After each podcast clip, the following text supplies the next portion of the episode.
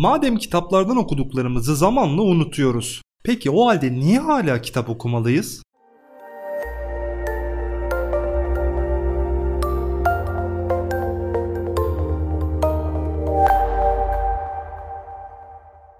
Iowa eyaletinin Nemus kentinde yayınlanan yerel Emis Daily Tribune gazetesinin köşe yazarı Rodriguez, hızlı okuma kurslarının yayılmaya başladığı 60'lı yılların ortasında bir arkadaşının bu kurslardan birine gittiğini yazacak ve şu şakayı yapacaktı.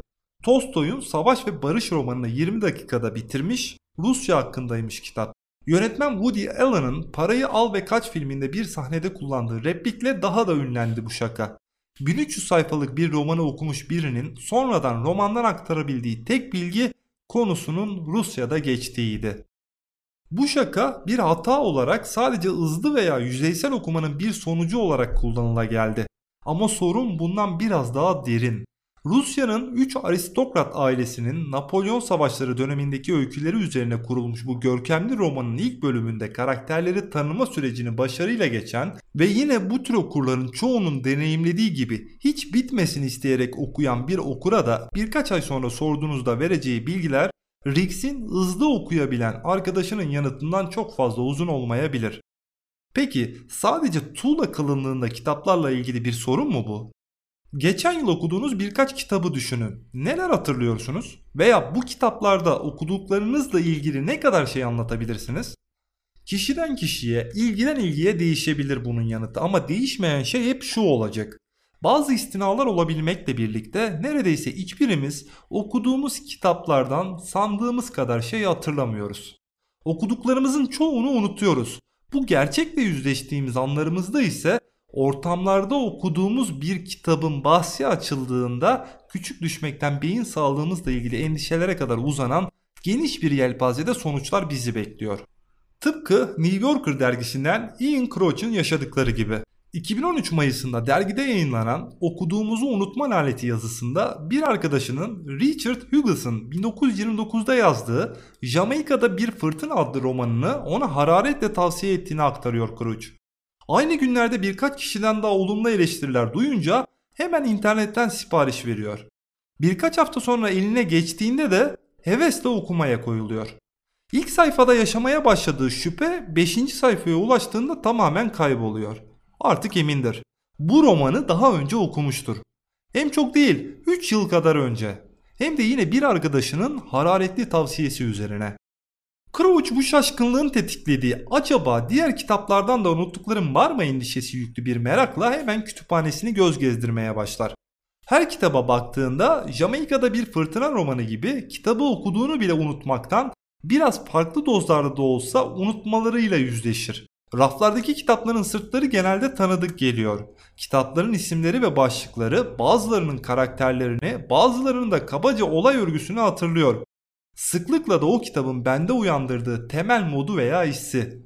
Ama rafta dizili olanları veya okuyup da kütüphanelere geri iade ettiğim, dağıttığım, elden çıkardığım diğer yüzlerce kitabın çoğu benim için unutmalarımın büyükçe bir kataloğu haline gelmiş meğer diyor. İyi bir kitap okuru olan Crouch bu noktada gerçekten kitap okumayı seven bir insan mıyım diye kimliğinden şüphe duymaya başlıyor. Bu endişeli merakla boğuştuğu günlerde imdadına bir okumada denk geldiği İngiliz şair Siegfried Season'ın şu tespiti yetişiyor. İnsan olmanın kaçınılmazlığıyla okuduklarımızın çok azını hatırlarız. Okuduğumuz her kitabı ikinci kez okumak bize yazarın anlattığı neredeyse her şeyi unuttuğumuzu hatırlatacaktır. Okumayı bitirip de bir öyküden veya öykücüsünden ayrıldığımızda her geçen an biraz daha solan bir izlenim kalır sadece bizde. Ve sonra yazar kitabını ait olduğu yere koltuğunun altına alarak bizden tamamen uzaklaşır. Benzeri bir sorunu New York Times gazetesinin kitap ekinin yayın yönetmeni Pamela Paul'un yaşadığını da Atlantik dergisine verdiği bir röportajdan anlıyoruz. Okuduğum kitapları nerede okuduğumu, kapaklarını hatta kitabı nereden edindiğimi bile hatırlıyorum. Hatırlamadığım ise o kitabın geri kalan her şeyi. Aynı itirafında Paul güncel bir örnek de veriyor. Walter Isaacson'ın Benjamin Franklin biyografisini okudum yakınlarda. Okurken Amerikan devriminin kronolojisini de öğrendim. Şu anda yani kitabı bitirdikten 2 gün sonra Amerikan devriminin kronolojisini sorsan büyük olasılıkla sana doğru şekilde anlatamam. Romancı James Collins de New York Times'ta 2010 yılında yayınlanan bir yazısında uzun süre hep okumayı istediği halde fırsat bulamadığı bir kitaba doğa sporları yapmak için gittiği bir tatilde tesadüf edişini anlatıyor. Tarihçi Alan Winston'ın Adaleti Yanıltmak kitabını kaldığı mekana kapanarak hiç spor yapmama pahasına günlerce elinden düşürmeden okumuş. Yıllar sonra o günleri hatırlatan bir ortama girdiğinde yeniden aklına geliyor. Kaldığı tatil evini, kitabı edinişini, okuduğu tatlı anıları ve yerleri hatırlamaktadır. Bir türlü hatırlayamadığı şey ise kitabın içeriğidir. O da sadece o kitabı değil, geçmişte okuduğu çoğu kitabın içeriğini hiç hatırlamadığını böyle fark etmeye başlar. Kitapların firari içeriği ışığın bir camdan geçmesi gibi zihnimizin, ruhumuzun içinden geçip gidiyor diye ayıflanıyor yazısında Collins. Bilgisayar bilimci yazar Paul Graham ise Bloom'daki bir yazısında 4. Haçlı Seferi'ni anlatan tarih klasiğini 2-3 kez okuduğunu ancak kendisine kitapta anlatılanları yazması istense vereceği bilgilerin bir sayfayı bile geçemeyeceğini itiraf ediyor. İngiliz yazar Ross da Elektrik Literatür dergisindeki bir yazısında çocukken ilk kütüphane deneyiminde okuyup muazzam derecede etkilendiği bir kitabın izini sürüşünü anlatıyor. Kitabın kapağının kırmızı olduğunu hatırlıyor. Öyküdeki bazı sahneleri hatırlıyor. Ama ne öykünün kendisi ne de karakterlerin ismi ne kitabın adı ne de yazarın kimliği hakkında hiçbir şey hatırlamıyor. Elbette bu sorunun insan beyninin işleme sistemine ve hafıza kapasitesine bakan bir yönü var. Üstelik daha kadim çağlarda bunun kehanetinde bulunan da olmuş. Sokrates genç aristokrat Pedrus ile sohbetinde Mısır'ın bilgelik tanrısı Dot'un alfabeyi icat etmesiyle ilgili bir kıssa anlatır. Platon'un diyaloglarında kaydedilen bu sohbette aktarılan kıssaya göre Firavun, Tamuz, Tanrı Tut'a icadından dolayı çıkışır. Senin bu keşfin hafızalarını artık kullanamayacakları için öğrencilerin unutmasını netice verecek. Artık harici bir takım sembollere bağlı olacaklar, anımsamayacaklar. Sözlü geleneğin sıkı bir savunucusu olan Sokrates ve Platon'un iddialarını desteklemek için aktardıkları bu kıssayı binlerce yıl sonra bilmemizin biricik sebebinin yazıya dökülmüş olması elbette ironik. Ama türümüzün hafıza kültüründe tarih boyunca peyderpey bir erozyon yaşandığı da bir gerçek. Tarih boyunca bazı öyküler bazı bilgilerde sözlü gelenekle binlerce yıl kuşaktan kuşağa aktarılabildi. Çağımızda ise bırakın 10 yıl öncesine, bırakın geçen ayı, geçen hafta hararetle konuştuklarımızı, okuduklarımızı, duyduklarımızı unutan bir türe dönüştük. İnternet ile birlikte farklı bir boyut yaşadığımızda gerçek. İnternet birçoğumuz için beynimizin harici diski haline gelmiş durumda. Gerçi White dergisinden Cliff Thompson gibi bunun yararlarına inananlar da var. Thompson, silikon hafızasının unutma sorununun aşılmasında çok önemli rol oynayacağına ve tefekküre büyük bir imkan yaratacağına inanıyor. Bu düşüncedekiler sadece alfabenin icadında değil, matbaanın icadı döneminde de benzeri bir tartışmanın yükseldiğini hatırlatıyorlar.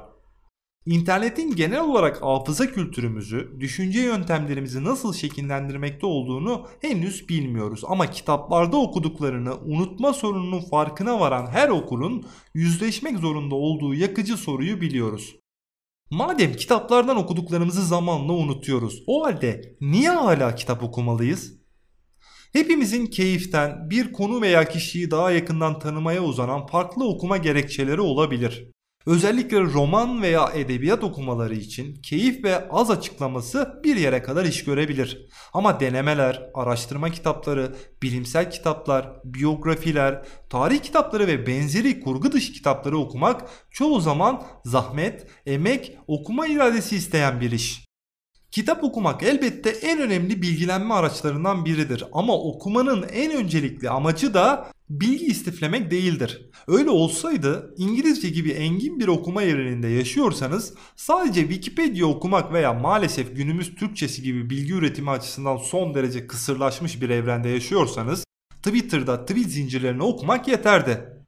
Sığ ve basit okumalardan farklı olarak kitap okumak bir kişi, bir konu, bir olay veya bir öyküye zamansal, mekansal, fikirsel ve ruhsal olarak derin ve farklı bakış olanağı sunar. Her konunun, kişinin, yerin, öykünün, olayın nüansları olduğu gerçeğine farkındalık yaratır. Bu da en başta bizi esasında bir ergen hastalığı olan üstün körü yaklaşımlarla, ezbere şablonlarla, yaftalarla kestirip atan, her şeyi bilen, sinik, uzlaşılmaz ve köşeli bir karakter olmaktan çıkarıp her şeyi anlama çabası gösteren olgun bir insan olmaya evriltir. İnsanda başkalarına şefkat ve empati bir başka insanla aynı ortamda olmanın otomatik olarak tetiklediği bir refleks değil. Bir toplumun en sığ bireyleri arkadaşlarına, akrabalarına ve çocuklara empatik yaklaşabilirken uzak komşularına deri rengi, kıyafeti, sosyal tercihleri kendisine benzemeyenlere, yabancılara ve diğer kimliklerden olanlara empati kurmaya yanaşmaz. Bu aslında tarihin büyük bölümünde kaba ve sığ olmayan bireyler içinde yaygın ve genel yaklaşımdı. Ancak son 200 yılda radikal şekilde olumlu yönde değişmeye başladı. Son 200 yılda ne oldu da insan türünün empati dairesi genişlemeye başladı? Biyoetik profesörü ve ahlak filozofu Peter Singer'ın Genişleyen Daire kitabında bu soruya bulduğu en önemli yanıt edebiyatın kitleselleşmesidir. Gazeteci Jaron Gaines da Financial Times gazetesinde Martin Amos'un 1989 tarihli romanı London Fields'ın 2018 tarihli aynı adlı film uyarlamasının kitabın etkileyiciliğinden ve görkeminden neden çok uzak olduğunu sorguladığı yazısında buna dikkat çekiyor. Bu aslında film uyarlaması yapılan birçok büyük romanın maruz kaldığı genel bir sorun.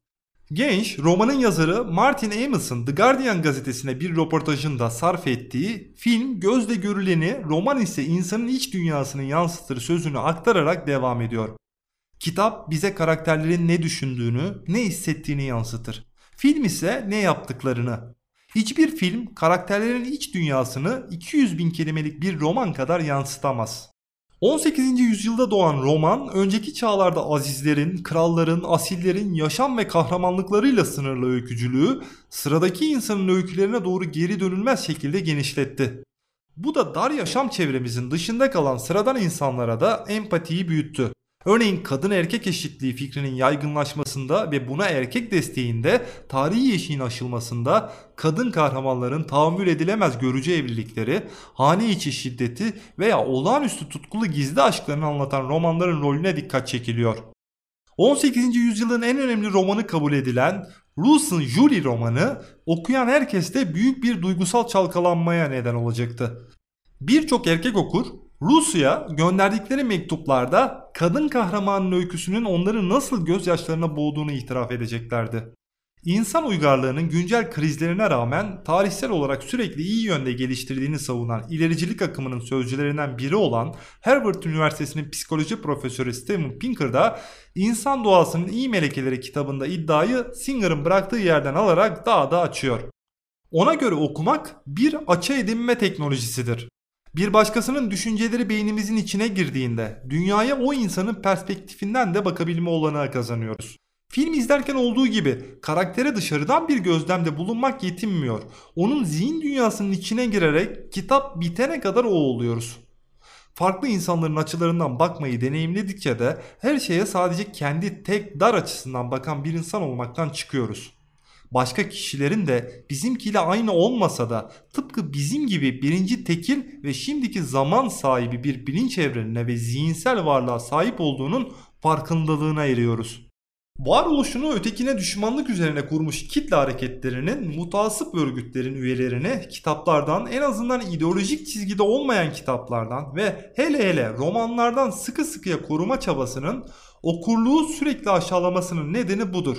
Ancak dar görüşlü biri ona sunulan herkes bize düşman, biz herkesten özeliz bağnazlığını kabullenir. İyi bir roman ilk sayfasından itibaren bizi kendi realitemizden çıkararak olasılıklar dünyasında yolculuğa çıkartır.